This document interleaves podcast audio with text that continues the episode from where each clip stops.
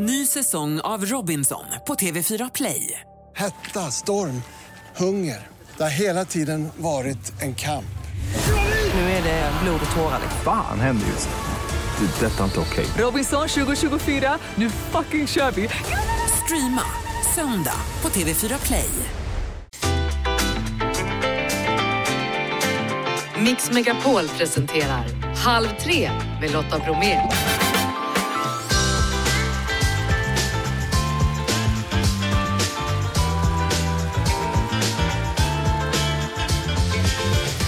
Hallå där och varmt välkommen in i Halv tre-studion. Ja, det är snö ute, sol i sinne, i såväl hjärta som sinne i alla fall. I dagens onsdagsmix, boxaren Badou Jack, nu är han historisk. Dokumentärfestivalen Tempo kör igång med film från hela Sverige och till och med utifrån landets gränser. Michel Tornéus är dagens gäst. Han kan inte bara dansa och hoppa långt, nu ska han baka också. Hör dagens gäst efter klockan 15. Och så uppmärksammar vi såklart internationella kvinnodagen. Vi hör också med fler unga företagare och stormflaggan är hissad på Kungliga slottet. Självklart kollar vi in snön, men kungen är redo och jobbar trots all storm och snö. Och så kollar vi in Sveriges mest jämlika kommun. Och detta och en massa mer. Nu kör vi! Boxaren Badou Jack blev historisk när han för en och en halv vecka sedan tog sin tredje VM-titel i en tredje viktklass. Varmt välkommen till Halv tre Badou Jack. Tusen tack. Var befinner du dig just nu? Har du semester eller vad gör du? Uh, just nu uh, befinner jag mig i Dubai. Uh, här, jag bor här nu och ja, kan man säga semester, men det är fullt upp varje dag. Men ja, Ja. någon form av... Så vad gör du på dagarna under, under semestern? Uh, umgås med barnen, uh, event i deras skola. Jag varit, uh, igår var jag på en djurpark, uh, i morse var jag gjorde jetskis, uh, nu ska jag på någon businessmiddag. Och ja, det är fullt upp hela tiden. Mm. Du var ju inte favorittippad då inför titelmatchen mot Ilunga Makabo. Hur var känslan när du vann där? Uh, jag favorittippade i, i min egen hjärna, så det var ingen surprise. Men uh, det är skönt att tysta ner alla kritiker. Ja, de har ju snackat om att du är för gammal, att du är för lätt, att du är, är för liten. Ble- Blev du motiverad av det här snacket? Absolut, absolut. Så uh, det, under hela training camp har allt gått perfekt och ja, vi var redo att ta titeln. Faktiskt nästan i två år har vi försökt få den här matchen. Så, ja. Mm. Eh, hur har det varit att tävla i de här olika viktklasserna då? Vilken trivs du bäst i? Uh, den här viktklassen, så jag slipper banta. Uh, så, så absolut. Så vad kommer hända nu då? Siktar du på en fjärde viktklass? Slipper du banta igen och bara äta, äta, äta? Nej, jag tror inte det. Det, det, fin, det finns en titel som är Bridgerweight, som en ny viktklass som WBC har gjort. Men ehm, ja, vi får se. Det är, det är inga stora pengar i den vikten, så vi får se. Jag, jag ska ha semester nu, sen ska vi... Vi har massa olika options om vem vi kan möta, så... Mm. Ja, den som betalar högst. Den som betalar högt, det är, det är pengarna som styr nu framöver då? Ja, kan man säga. Mm. Eller den största matchen också, det största namnet, största... Ja, Mm. vi, har, vi har en bra position just nu. Är det någon som du längtar efter att få möta? Inte direkt, eh, inget speciellt sådär. Det, som sagt, det finns så många valmöjligheter så vi får se. Mm. Stort tack eh, Badou Jack, fortsätt njuta av semestern då med familjen och sen så önskar vi dig lycka till framöver när det är dags för nya matcher. All right, tusen tack. Ja, tack. Vi beklagar en del av ljudgrejen då, men vi är ju live med Dubai. Halv tre med Lotta Bromé på Mix Megapol. Den här veckan så pågår Tempo dokumentärfestival för 24 året i rad. Sveriges största festival för dokumentära uttryck som riktar sig både till allmänheten och till branschfolk. Och det handlar inte bara om film utan även om radio, foto och andra uttrycksformer då, som man kan använda sig av när man vill presentera dokumentärt material. Elin Berge är regissör och en av dem som visar sin film då, din film Sagor slutar så, premiär på fredag. Välkommen till Halv tre. Tack så mycket. Ja, du, vad vill du säga om den här filmen? Vad, vad handlar den om? Den kallas för en intim dokumentär. Ja, det är en, eh, en dokumentär som handlar om författaren Stina Stor som eh, slog igenom stort 2015 med sin novellsamling Bli som folk. Mm. Och den här filmen handlar om vad som hände efteråt. Eh, den tar vid några år senare. Eh, och eh, berättar om att hon numera lever ett helt annat liv, nämligen i ett palats i Istanbul.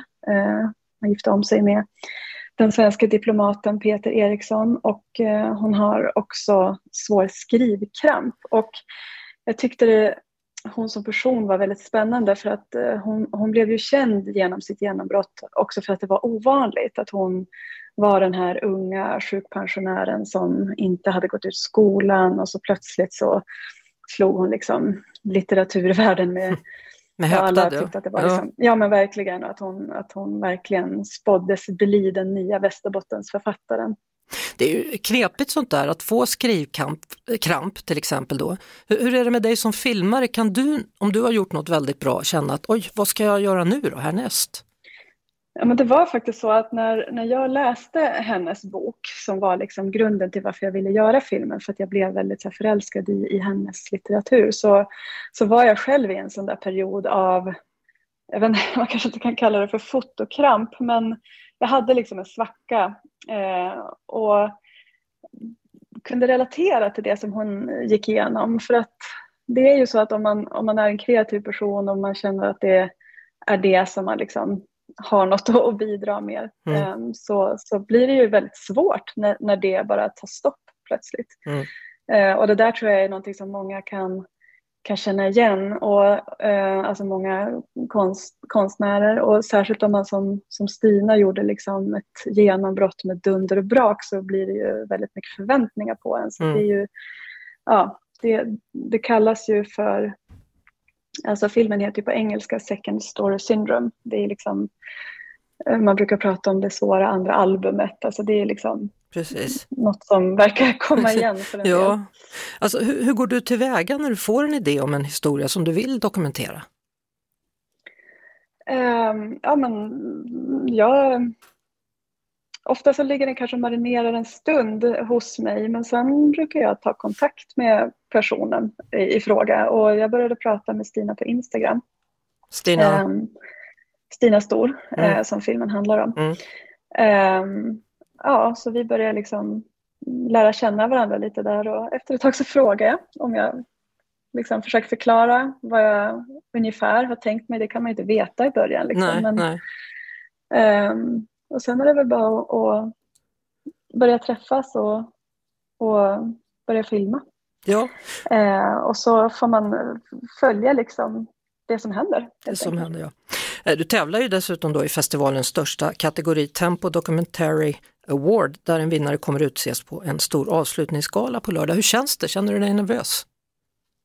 Ja, men det känns jättestort för mig för att eh, jag är ju ganska ny i dokumentärfilmsvärlden. Eh, jag har jobbat som stillbildsfotograf i jättemånga år. Mm. Um, så jag känner mig superhedrad att få, få vara med eh, i det här Ehm, jättefina sammanhanget. Och det är ett väldigt tungt, liksom, ja det är väldigt många bra nomineringar.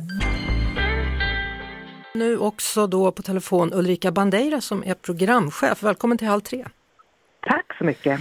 Ja, under veckan här så visas 19 internationella filmer, 35 svenska premiärer och utöver det då ytterligare 55 speciellt utvalda dokumentärer som man kan se på olika biografer och i olika lokaler. Hur ska man kunna välja bland allt det här?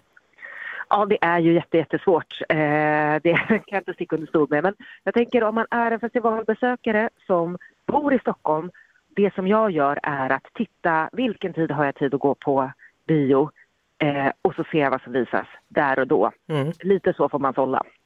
Och sen, Men, eh, sen är det ju så då att även om man inte bor i Stockholm eller är i Stockholm den här veckan, då har man ändå chans att kunna delta.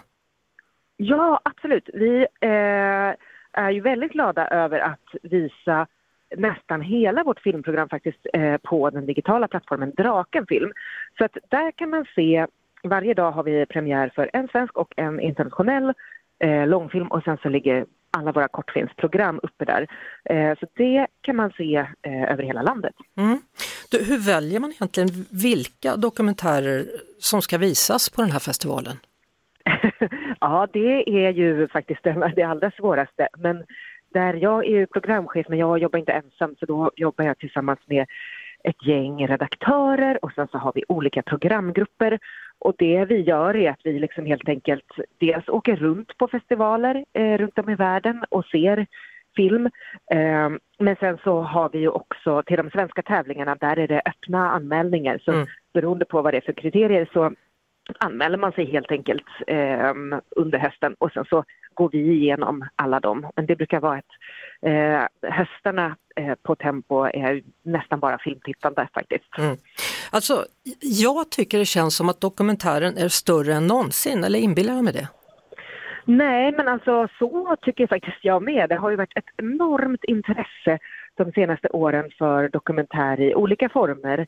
Så dokumentärer som har gått jättebra på bio, inte minst de här eh, streamingjättarna som alltså har ju jättemånga dokumentära serier. Och sen så tänker jag att nästan alla människor konsumerar ju och producerar ju jättemycket eget dokumentärt material, alltså via våra telefoner. Mm. Eh, så att det skulle jag verkligen säga. Och just nu står jag faktiskt på vårt eh, branschcenter och vi, trots att det är så mycket snö idag så har vi haft så mycket folk som kommer dit och lyssnar på olika panelsamtal och diskussioner. Så det, är, det är högtryck. Mm. Vi har också med oss regissör Elin Berge, då, vi talades alldeles nyss vid då om Sagor slutar så. Elin, tror du att det här kan liksom vara en reaktion, att vi vill se så mycket dokumentärer till liksom att vi lever i ett ganska ytligt samhälle där allting går väldigt fort och det är sociala medier och ytan är polerad och så vidare. Kan det vara skönt att se något verkligt? Oj, vilken svår fråga. Uh, ja, kanske det kanske det faktiskt. Ja, hur tycker du att man är en bra dokumentärfilmare? Oj, um, det har jag nog inga svar på men om jag går till mig själv så, så tycker jag väl att det är viktigt att berätta historier där det känns att regissören, att det kommer från hjärtat, att det finns en uppriktighet eh, eh, bakom liksom, filmen. På samma sätt som du eh. berättade förut att du kunde känna igen dig i Stina Stor och hennes eh, skrivkramp. Ja, ja men precis det eller att det finns liksom en uppriktig nyfikenhet att lära sig någonting mera via en annan verklig människa. Mm. Uh, att, det, ja, men att det känns sympatiskt tycker jag är viktigt. Om du får rekommendera en dokumentärfilm, vad blir det då? Um, jag tänker att det är kul att rekommendera någon som går på festivalen och eh, nu har inte jag sett de här men jag är själv väldigt sugen på att se Hyper Moon av Mia Engberg för jag är väldigt förtjust i, i henne som regissör. Mm. Eh, och även filmen Puss hej då tycker jag verkar jättefin av Annika Fredriksson. Men det är otroligt många, det är svårt att välja. Mm. Ulrika eh, Bandeira, om du då som programchef får rekommendera en dokumentärfilm, vad väljer du? ja, det är svårt, jag vill säga alla såklart. Men eh, då skulle jag kanske passa på och eh, tipsa om en film som man inte kommer kunna se efter den här veckan och det är den underbara eh, An Eternity of You and Me där den danska regissören Sanne faktiskt är på plats här. Eh, och det är något så ovanligt som en, ja, men typ en romcom om infertilitet. Eh, det låter konstigt men den är jättevarm och fin och man kommer skratta och gråta kan jag nästan lova. Den är underbar att visa ikväll. Tack så mycket båda två, regissör Elin Berge och programchef Ulrika Bandeira alltså. Och Tempo dokumentärfestival, titta via nätet eller gå till en biograf eller lokal här i huvudstaden Stockholm. Halv tre med Lotta Bromé på Mix Megapol. Michel Tornéus, före detta längdhoppare, god dag! God dag, hej! Eh, eller är man längdhoppare alltid längdhoppare? Alltså, det, det, är en bra fråga. Eh, jag hade den faktiskt på jobbet häromdagen. Så här, vad ska man ha för, om jag skulle typ vara med i Robinson, vad ska jag ha för titel? Mm. Eh, ska det vara så här, före detta fridrottare eller ska det vara någonting annat? Och jag tycker det låter lite tråkigt att skriva så här, före detta fridrottare. Eh, så jag vet inte vad jag har för titel. Men då är du längdhoppare. Okej, då Ja. kör vi på det. Det är intressant att du säger nu om jag skulle vara med i Robinson. Är det Ja. nästa projekt du ska vara med i nu? För nu har du gjort Let's Dance, du har vunnit Mästarnas Mästare och nu ska du vara med i Hela Kändis-Sverige bakar. Mm, och Superstars också kör jag, så att jag är Du lite ser. överallt just nu. Men eh, nej, jag ska inte vara med i Robinson. Utan det var, det, var, det var ett sådär klassiskt program där man har sett lite så olika titlar på människor och försöker förstå vad det egentligen betyder. Så Ja, det, det var med det. Annars så finns det ju andra tävlingsprogram du kan vara med i. Du kan korsa Atlanten till exempel. Ja, det finns lite andra program som jag tycker låter spännande. Eller Men, bo på en öde ö. Ja, det låter också spännande. Eh, Men någonting som man inte behöver tävla skulle vara kul att göra. Ja. Eh, Jag, jag känner att jag har tävlat ganska mycket i mina dagar och det skulle vara kul att göra saker där man kanske eh, ja, men ett, ett annat djup på något sätt. Mm. Det inte bara handlar om att prestera utan att man kanske lär känna människorna som man är runt och, och man, ja, någon upplevelse. Jag vet inte riktigt vad det är, men någonting. Ska vi gå tillbaka i alla fall Mm. till, till guldet i Prag? Okej, då gör vi det. Vi gör det. 8.30! Nytt svenskt rekord med en centimeter och Michel Tornéus leder EM-finalen i längdhopp. Jag vill inte gråta, men det är nära. Ja, det- det ser ja, tagen jag ut. är sjukt alltså. Så min dotter sitter här uppe också, så att det är... Ja, jag är glad. Ja, nej, jag är, jag är riktigt glad. Det, ja, jag vet inte vad jag ska säga. Det, det är en dröm. Det är en dröm man har haft att få stå högst upp på en pall liksom. Sen man var liten. Så att, eh, Mm. Tårögd där då, då Michel Tornéus. Tommy Åström var det som refererade och Anna Brolin var det som gjorde den tårögda intervjun. Det är klart att du gråter, du har ju liksom kämpat för det här ända sedan du var 6-7 år. Ja, men så är det verkligen. Ehm, alla, skulle jag säga, när de är barn drömmer ju, eller så här, alla som håller på med typ egentligen vad som helst. Man tänker ju så här någon dag att man vill bli bäst i världen. Sen om det är idrott eller vad det är så har man ju de drömmarna. Eh, och att liksom efter många, många år, eh, i princip nästan, nästan 30 års väntan så fick jag ställa mig högst upp på pallen. Mm. Så att eh, det, det var en eh, väldigt speciell stund för mig. Eh, man blir liksom påmind om eh, alla jobbiga träningar man har haft och alla jobbiga tävlingar man har haft. All, liksom allt kom på en gång där man kände så här att åh, det är här jag alltid har drömt om. Och, ja, jag är ju otroligt tacksam för det, för jag vet ju att eh, jag är i en liten procent av de människorna som får uppleva det. Ja, för jag tänker att, att din sport och längdhopp är ju lite sådär känslig för man ska ju alltid in i det här längdhoppskvalet. Mm. Och där händer det ju att man inte alltid, det är ju inte alltid man klarar just kvalgränsen. Nej men verkligen, det, det har jag varit med om många gånger. Eh, att att det, det är liksom sista pitstoppet innan finalen, att Ja. man måste överleva det. Och eh, det är nerver och det är nervöst och man måste leverera när det gäller. Eh, Samtidigt är det ju det som är tjusningen i det, att kunna komma dit och prestera i ett kval och känna att man är bra och sen kunna gasa på en final. Eh, Mm. Så det är en del av tjusningen. Idrott är ju så. Tommy Åström sa ju där i, det vi hörde då att, att eh, det var nytt svenskt rekord men sen Mm. har du hoppat betydligt längre. Mm, det stämmer. 8.44 är det så? Ja, det stämmer. Och det är fortfarande svenskt rekord. Än så länge är det svenskt rekord, ja. Ja.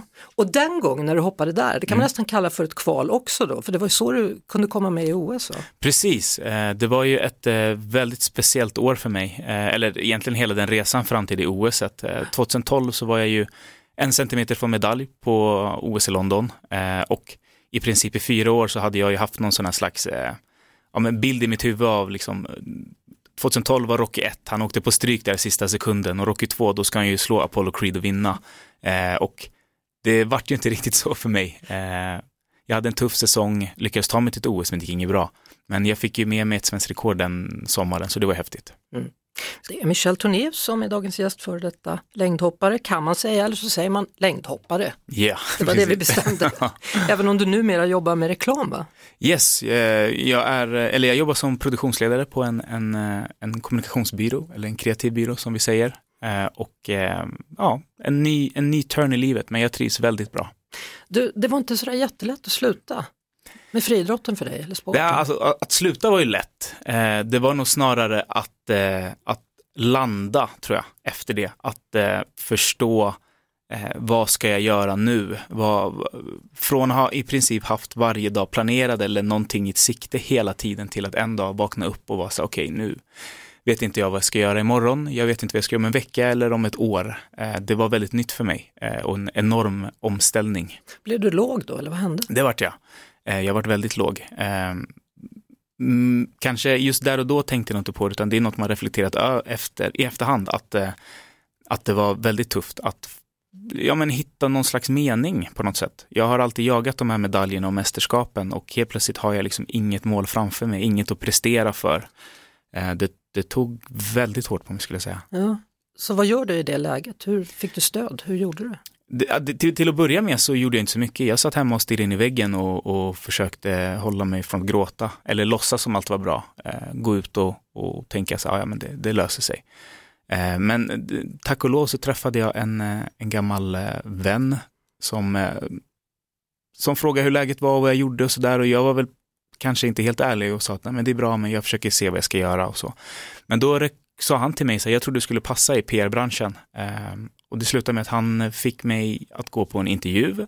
Eh, jag fick en praktikplats eh, och eh, ja, det är mm, mer än tre år sedan och jag har varit kvar sedan dess. Så Mm. jag trivs väldigt bra. Fick du ta hjälp liksom, av någon coach eller någon Det fick psykolog? jag. Eller? Ja. Det fick jag, eh, inte i början, eh, utan det, det, det tog nog tag innan jag tog tag i den, den pucken. Ja. Eh, dels för att jag inte riktigt visste vad det var. Jag, jag hade liksom aldrig haft de eh, känslorna förut. Jag har ju en sån här tråkig uppväxt liksom med, med en ensamstående förälder och eh, liksom ja, som har varit liksom, jobbat mycket och gjort sånt och liksom det jag fick lära mig av det manliga, det var att kolla på tv på, på Sylvester Stallone och Steven Seagal och de här killarna, liksom, att man skulle Mm. vara hård och tuff och liksom aldrig visa känslor. Eh, så att, eh, det tog ett tag för mig att förstå det, men när jag väl fick hjälp så började jag förstå mer och mer det här med känslor. Det finns mer än glad, ledsen och arg. Ja. Eh, Alltså, hur, hur var det att växa upp i Botkyrka? Eh, för mig var det jättebra. Eh, det är så spännande eh, när man pratar om det här med, med, med uppväxter, för för mig är det så här, Botkyrka för mig är ju den absolut bästa platsen på planeten. Eh, men när man läser om det eller när man hör om det eller folk berättar om det så är det ju oftast att det är en väldigt negativ plats. Eh, det är liksom Eh, ja, vad är vi? Vi är liksom en blandning av människor från hela världen. Eh, det skrivs att alla är, eller att det är kriminalitet och det är det, men så här, du vet, när jag var liten, man cyklade omkring på alla gårdar, man cyklade, man lekte, sp- spelade fotboll. Eh, så att, eh, ja, vad ska jag säga? Det, det, ib- ibland har vi lite, ibland, jag saknar ibland lite av det positiva som händer. eh, Mm. Som händer. Eh, jag själv började i en friidrottsförening som var liksom ideell som lockade barn till att komma och testa idrotter. Det var, det var liksom mycket som hände. Eh, så att man glömmer bort det positiva ibland kan jag känna. Mm. Eh, vi är så duktiga på att se det negativa i allt. Eh, ibland kanske man ska vända på det där och se, se det som är bra. Vilken mix ändå, din pappa är från Kongo-Kinshasa Ja. och din mamma från Boden, Norrbotten. Yes, det stämmer. Hur träffades de? Jag blir bara nyfiken, hur gick det till? Eh, nej men det, det, ja hur träffades de? Nej men min mamma eh, är ju liksom född och uppväxt i Norrland eh, och efter gymnasiet så var hon, kände väl hon att hon ville liksom vidare i livet till något större. Så att det började med att hon åkte ner till, eh, till, eh, till Mosambik tror jag det var och var eh, volontär, eh, hjälpte till bygga ett sjukhus där nere. Eh, men sen när hon kom tillbaka så tyckte hon att kanske att, att Boden var lite för litet. Så att hon flyttade ner till Stockholm. Eh, så att de träffades faktiskt i Stockholm. Min pappa hade precis kommit till Sverige då också. Mm. Och sen så, ja, några år senare så kom jag. Du har redan svarat på den frågan. Jag skulle Mm. fråga hur du hittade till friidrott, men då Mm. var det alltså en, en klubb, Det var Där. en, en klubb precis som Ja. hade liksom en verksamhet eh, i, Botkyrka. i Botkyrka, Ja. precis. Spännande. Mm. Eh, numera också bagare då får man säga, eller något. Eller vad precis. säger man? Ja, det, ja, det, det får vi se, skulle jag säga. Du, jag eh, har hört att eh, ditt favoritbakverk är wienerbröd, stämmer stämmer. detta? Det stämmer verkligen. Varför då? Eh, Alltså jag vet inte, det är bara gott. Det, det är så gott. Jag älskar ju, alltså det, också så här att det finns två varianter. Det finns ju den här som är liksom med den här vaniljkrämen och med sylt. Och så finns det en med bara den här vaniljkrämen och, och, och båda går ner lika bra. Men Ja. eh, det, det är gott. Det, det är inte mer så, det är så jäkla gott. Danish heter det på engelska, så Ja. när du har varit ute på alla dina resor då, Mm. tävlat runt, har du varit inne och frågat, do you have Danish? Det har jag inte gjort. Jag har varit duktig när jag har varit på tävlingar. Men under grund, grundperioden, liksom från eh, september till, eh, till januari, då, Då åt du hur mycket som helst. Ja, men då, då vet de, liksom, lördagmorgnarna då är, står jag på ICA-kön och bara väntar på att de ska komma ut helt nygräddade. Det var på den tiden man kunde få tre för tio spänn. Eller? Ja, det, det var ännu bättre kan jag säga. Ja. Så är det inte längre tyvärr. Nu är det Kanske alla... bra i och för sig. ja, det kan vara bra. Nu är jag i alla fall med då i hela Kändis-Sverige bakar och Mm. du tävlar i par då med en danskamrat från Let's Dance-tiden, Filip Lamprecht. Vi ska höra hur det går för er. Filip har ju en eh, enorm känsla för detaljer. Jag kan vara lite så här, ja men det här funkar, nu går vi vidare. På mitt CV kommer det stå projektledare. Projektledare, exakt. Och jag är creative design art director. Den är lite sådär Mm. smulig, lite. Vi har verket på sidan på den här också. Ja, men precis. Mm. Konsistensen är bra på smörkrämen. Konsistensen är bra på smörkrämen. Vem Mm. hade gjort smörkrämen? Jag tror det var Filip. Vilket hade du gjort på detta lilla bakverk då? Ja, Jag hade gjort, eh, jag hade gjort eh, man kallar det inte degen, jo men degen hade jag gjort. Eh, ja, eh, Ja. ja. så att jag är väl kanske inte bästa bagaren, eh, men eh, jag tyckte det, det var så himla kul, alltså jag och Filip var ju en väldigt intressant mix. Mm. Eh, jag, är, jag kommer ju från idrottsvärlden, det är väldigt strukturerat, det är organiserat, man ska planera, eh, medan Filip är liksom, liksom lite mer åt andra hållet. Han, Mm. han är lite mer så här, ta, fånga dagen, eh, så att vi är väldigt olika, men vi kände vi båda två att det skulle bara vara kul att, att göra något sånt här och se liksom hur kommer det här gå och eh, ja men alltså Ja. Du, får inte säga om det gick bra eller dåligt. Det får jag absolut inte göra, men jag Nej. kan säga att vi skrattade i alla fall efter det baket. Eh, ja, så att, eh, och, och vi lärde oss något, verket ska ligga neråt, det hade vi ingen aning om. Så att, eh, och till och med så. Jag, jag har alltid funderat på det där, alltså, måste man vara duktig för att vara med? Svaret är tydligen inte.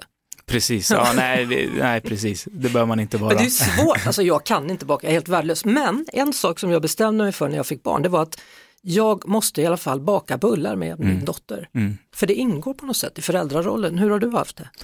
Eh, jag har inte varit med och bakat så mycket, men jag har smakat otroligt mycket bullar. Min mamma är jätteduktig på, på att baka kanel och vaniljbullar och det har jag käkat eh, något enormt. Ja. Ja, det, så att jag kan smaka, jag kan, jag kan, ja, jag är en bra, vad heter det, provsmakare. Men efter det här kanske du måste baka bullar hemma också till familjen, vem vet? Vi får se. Ja. Michel Turné, stort tack för att du kom hit. Och Tack för att jag fick eh, komma. Lycka till i tävlingen då. Tusen säger tack. Jag, även Ja. om allt är inspelat. Men jag försöker se i dina ögon om jag kan avslöja något, men jag tror det kommer gå bra i alla fall. Vi hade kul, det kan jag säga. Vi, vi, det var mycket, det var mycket Andra gången skratt. du säger det. Halv tre med Lotta Bromé. Hörrni, det är den 8 mars idag. Den internationella kvinnodagen och nu ska vi till Sveriges mest jämställda kommun. Det är försäkringsbolaget Länsförsäkringar som kollar detta. Man tittar till exempel på då hur mammor och pappor delar på vab och föräldraledighet. Man kollar hur det står till med lönerna, om det är några stora skillnader mellan kvinnor och mäns lön och så pension etc. Och så antal sjukdagar då mellan könen. Och 2022 då toppar Sorsele listan. Sorsele i Västerbottens eh, län, landskap. Pia Sjöberg, socialdemokrat, vice ordförande i kommunstyrelsen. Grattis till detta! Men tack så mycket. Hur känns det att vara regerande mästare? Ja, men vi är ju såklart jättestolt och glada för utnämningen. Men, men samtidigt är vi ju ödmjukt medvetna om att vi har en bra bit kvar innan vi är helt jämställd såklart. Hur- gör ni i er kommun för att få det mer jämställt? Hur arbetar ni? Ja, men det är väl många bä- bäckar små skulle jag vilja säga. Vi har ju i vår översiktsplan bland annat pekat ut jämställdhet som ett viktigt mål. Eh, vi jobbar ganska mycket med kvinnligt företagande. Eh, merparten av våra chefer i vår egen organisation är kvinnor Mm. och vi har en hög andel kvinnor på högre politiska uppdrag. Har ni också feministisk snöröjning? Eh, Nej, kanske inte. Det hade man i Stockholm här för några år sedan men det har försvunnit verkar det som. Jag vet inte, det ligger snö överallt här. Ja. Men du skottar i alla fall när det behövs antar jag? Ja men absolut, Ja. det gör vi nog allihopa, man som kvinna. Du, hur, hur firar ni nu den här titeln då? Ja men hur firar vi? Vi, vi håller på att liksom suga på karamellen lite grann och riktigt hur vi ska fira har vi inte satt på pränt än. Nej, men någonting lär det ju bli, det kan man ju tänka. Ja, det Ja. måste vi absolut göra. Du, alltså, Sorsele är Sveriges tredje minst befolkade kommun. Ja, Men på en ytan, yta som är som Blekinge stort. ja, du förstår, alltså, det är verkligen glesbygd. Eller? Äh, glesbygd på riktigt. Ja. Ja. Och det funkar bra, märker man ju då när man får sån här titel. Ja men visst, Du- funkar alldeles ypperligt. Ja, Fia, avslutningsvis så här på internationella kvinnodagen, har du någon kvinnlig förebild och vem är det i så fall? Oj, alla kvinnor i mina ögon är min, förebild på ett eller annat vis. Vi, vi, vi är starka och vi är starka tillsammans. Och jag kan tänka mig att du också då är en förebild för väldigt många eftersom du är vice ordförande i kommunstyrelsen i Sorsele. Ja, men jag hoppas väl att jag kan vara det. Jag tror det. Gå ut nu och skotta dig hemåt sen så småningom så blir det lite feministisk snöröjning när vi ändå talade om det. Ja, men absolut, det ska jag göra. Ha det bra, tack för att du var med. Tack! Halv tre med Lotta Bromé på Mix Megapol. Hörrni, I södra Sverige var det igår stora mängder snö som ställde till problem. Snöbyarna tog sig under natten till Stockholmsområdet då med inställda flyg och inställd kollektivtrafik och uppmaningar om att stanna hemma som följd. Undrar man ju, hur ska det bli framöver? Med oss nu meteorolog Josefin Kvarnesjö Bergstedt från Storm Geo. Du är i Värmland. Har du snö? Ja, jajamän, jag är i Värmland och här skiner solen och det har inte kommit en snöflinga. Så vi har varit förskonade. Ja, är du i Karlstad då? För där skiner ju solen alltid då. Ja, precis. Den skiner alltid i Karlstad och så även idag. Mhm. Du, många av oss hade ju börjat få lite vårkänslor här men då kom den här, det här konstiga namnet då, snösmockan. Hur mycket har det snöat egentligen? Ja, det har kommit ganska stora snömängder, framförallt eh, längs västkusten. Falköping fick mest snö under de senaste dygnen med 35 centimeter. Oj. Och här uppe i Stockholm är det ju fortfarande väldigt mycket snö då och människor som bor utanför innerstan de verkar vara totalt insnöade och alla liksom bussar är inställda etc. Förlåt, vad sa du nu? Jag hörde inte. Jag, jag sa att även i Stockholmstrakten så är det väldigt, väldigt mycket snö och många bussar har blivit inställda här och man undrar ju hur blir det resten av veckan? Ja, det ser ju ut som att eh, snöfallet har gett med sig nu äntligen i Stockholmsområdet och eh, det ser ganska lugnt ut framöver de kommande dagarna i Stockholm. Men däremot så har vi ett, eh, en ny snösmocka som smyger sig in över västkusten redan imorgon.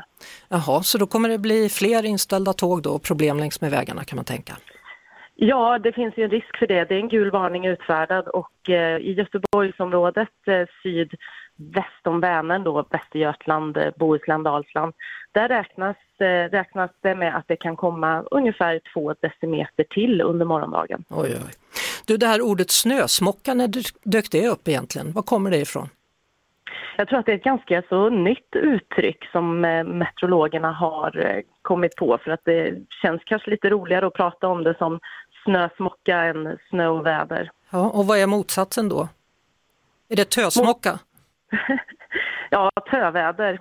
Töväder, ja. ja. Eller, eller att man liksom smeker någon sån här, ja, vårsmekning kanske.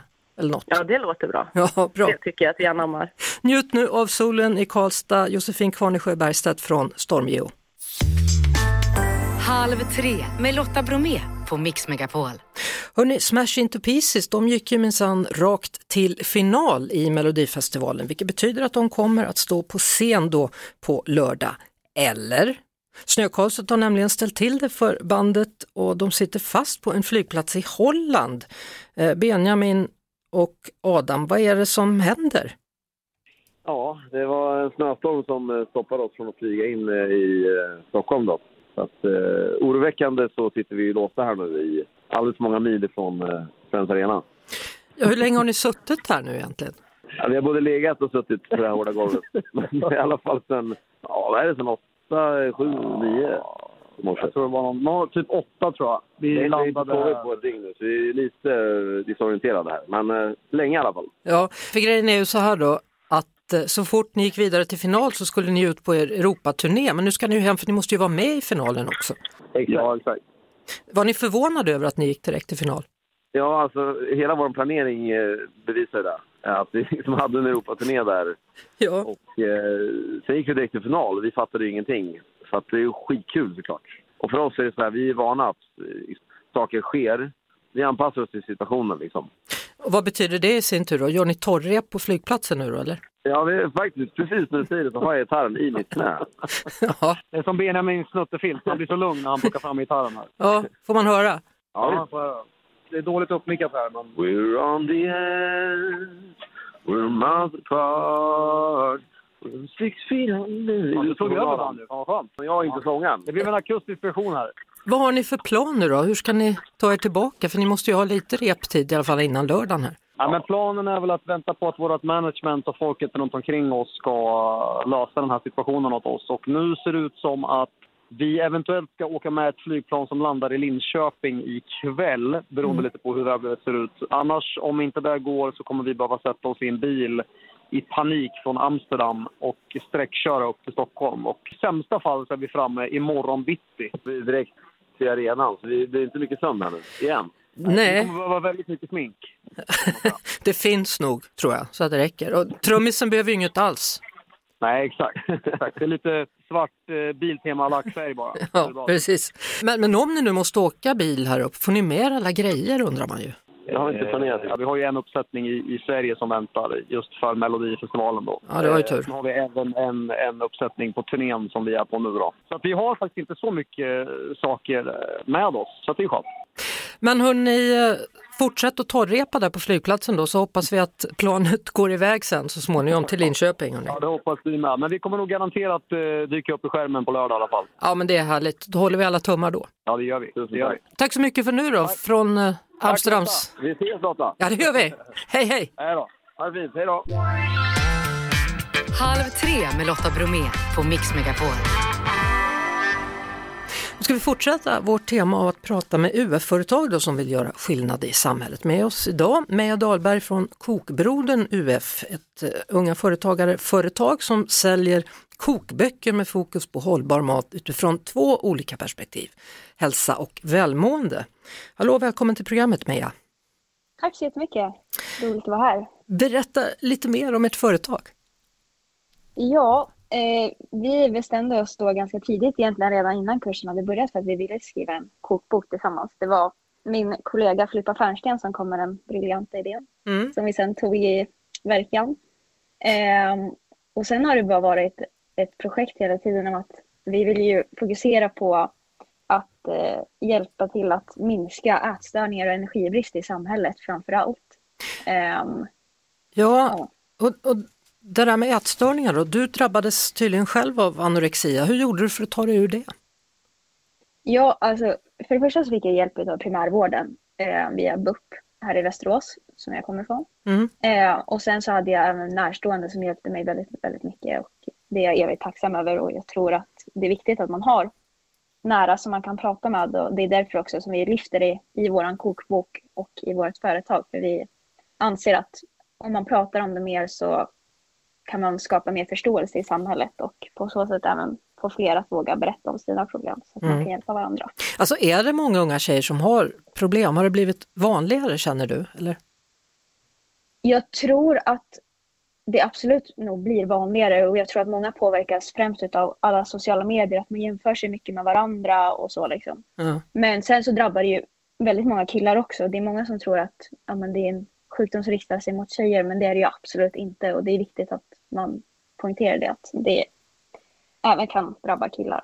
Ja. Eh, vad har ni för typ av recept i boken då? Gud, det är en jättestor blandning. Vi har tagit inspiration ifrån både olika världsdelar men även olika typer av måltider. Så vi, den är uppdelad i tre kapitel. Så första kapitlet är frukost och mellanmål. Och sen är det ett kapitel med snabba måltider som ja, under 20 minuter helst. Liksom. Mm. Eh, och sen så sista kapitlet är storkok och matlådemat. Där är vissa recept är upp till så här 10 portioner så man kan göra mycket på en gång och sen så har man som underlättar liksom veckodagarna. Ja, alltså har ni tankar om att fortsätta med det här företaget efter studenten eller hur, hur tänker ni? Ja, alltså finns det möjlighet att fortsätta så ser vi jättegärna att vi driver det så länge det ja, men, ekonomiskt hållbart om man säger så. Ja, Ehm, och vi tycker att det är väldigt kul. Och sen så vi går ju skidgymnasiet så att eh, vi är inne på tredje år men det är fyra år så vi kommer ju gå i skolan även nästa år. Mm. Och det är en fördel för då kan vi fortsätta jobba tillsammans eftersom att vi befinner oss på samma plats. Härligt! Stort tack för att vi fick höra mer om ert företag och lycka till framöver då. Och tack så jättemycket. Ja, tack så mycket Meja Dahlberg och hälsa de andra. Det ska jag. Halv tre med Lotta Bromé på Mix Megapol. Och med mig nu Nathalie Sörman, hallå där! Hej, hej! Hej, hur är det med Loreen? Är det din favoritlåt inför lördagen eller vem har du? Ja, men, ja, det stämmer. Jag gillar den låten. Ja. det är favoriten. Hur är det ikväll då? Vem är favorit i handbollsmatchen mellan HF Karlskrona och IFK Kristianstad? Jo, eh, jag skulle säga att det är ganska jämnt. Vi har ju lite att bevisa sådär och de har mycket att spela för så det kommer bli en, eh, en häftig match. Ja. Eh, och titta på, tror jag. Mm. Mm. Och då har ni dessutom då bestämt er för att ha ett budskap. Båda lagen står bakom budskapet Ingen aldrig i kvällens match då i Svenska cupen så här på internationella kvinnodagen. Eh, vad, vad tänker du kring budskapet och den här insamlingen då till kvinnojouren? Eh, precis, det är ingen aldrig som eh, är budskapet ikväll och det är egentligen står för att ingen kvinna ska utsättas, utsättas för våld eh, och det kommer aldrig vara accepterat. Eh, och jag är otroligt stolt över att eh, jag får ta del av eh, detta och att min klubb har varit med och arrangerat en, ett sånt här en sån här dag för många och det är otroligt häftigt. Vi i laget också är väldigt stolta över att eh, få vara med och bidra och eh, ja, spela denna matchen. Mm. Vad tror Mm. du, kommer det ge liksom en extra kick till laget när ni spelar ikväll eller? Precis, jo men det är alltså båda lagen tror jag kommer känna en stor gemenskap för alla spelar för samma sak och eh, jag tror att det, alla känner att det är mycket på spel. Eh, men när det väl är match så är det ju match såklart. Mm. Eh, men innan ska vi till exempel då eh, värma upp i samma kläder med det här budskapet eh, då, ingen aldrig kommer stå på våra eh, tröjor. Och eh, så är det för, eh, för båda lagen. Ja, det är härligt. Då får vi se vem som vinner av er, men alla har ju vunnit i och med att ni gör en sån här grej och samlar in pengar då till kvinnojouren denna dag. Precis, det stämmer. Stort tack för det och eh, lycka till då ikväll i matchen i Svenska Cupen. Ja, tack så jättemycket. Tack så mycket Nathalie Sörman. Eh, vi tackar för idag då. Det är Lotta som säger så, det gör även Filip, Janne och Jeanette och Jeff Neumann, precis som vanligt är han vår producent. Och vi hörs imorgon igen. Tills dess, ha det så bra. Thank you. Ett poddtips från Podplay. I podden Något Kaiko garanterar östgötarna Brutti och jag, Davva, dig en stor dos skratt. Där följer jag pladask för köttätandet igen. Man är lite som en jävla vampyr. Man har fått lite blodsmak och då måste man ha mer. Udda spaningar, fängslande anekdoter och en och annan arg rant. Jag måste ha mitt kaffe på morgonen för annars är jag ingen trevlig människa. Då är du ingen trevlig människa, punkt. Något Kaiko, hör du på Podplay. Därför är gardinerna.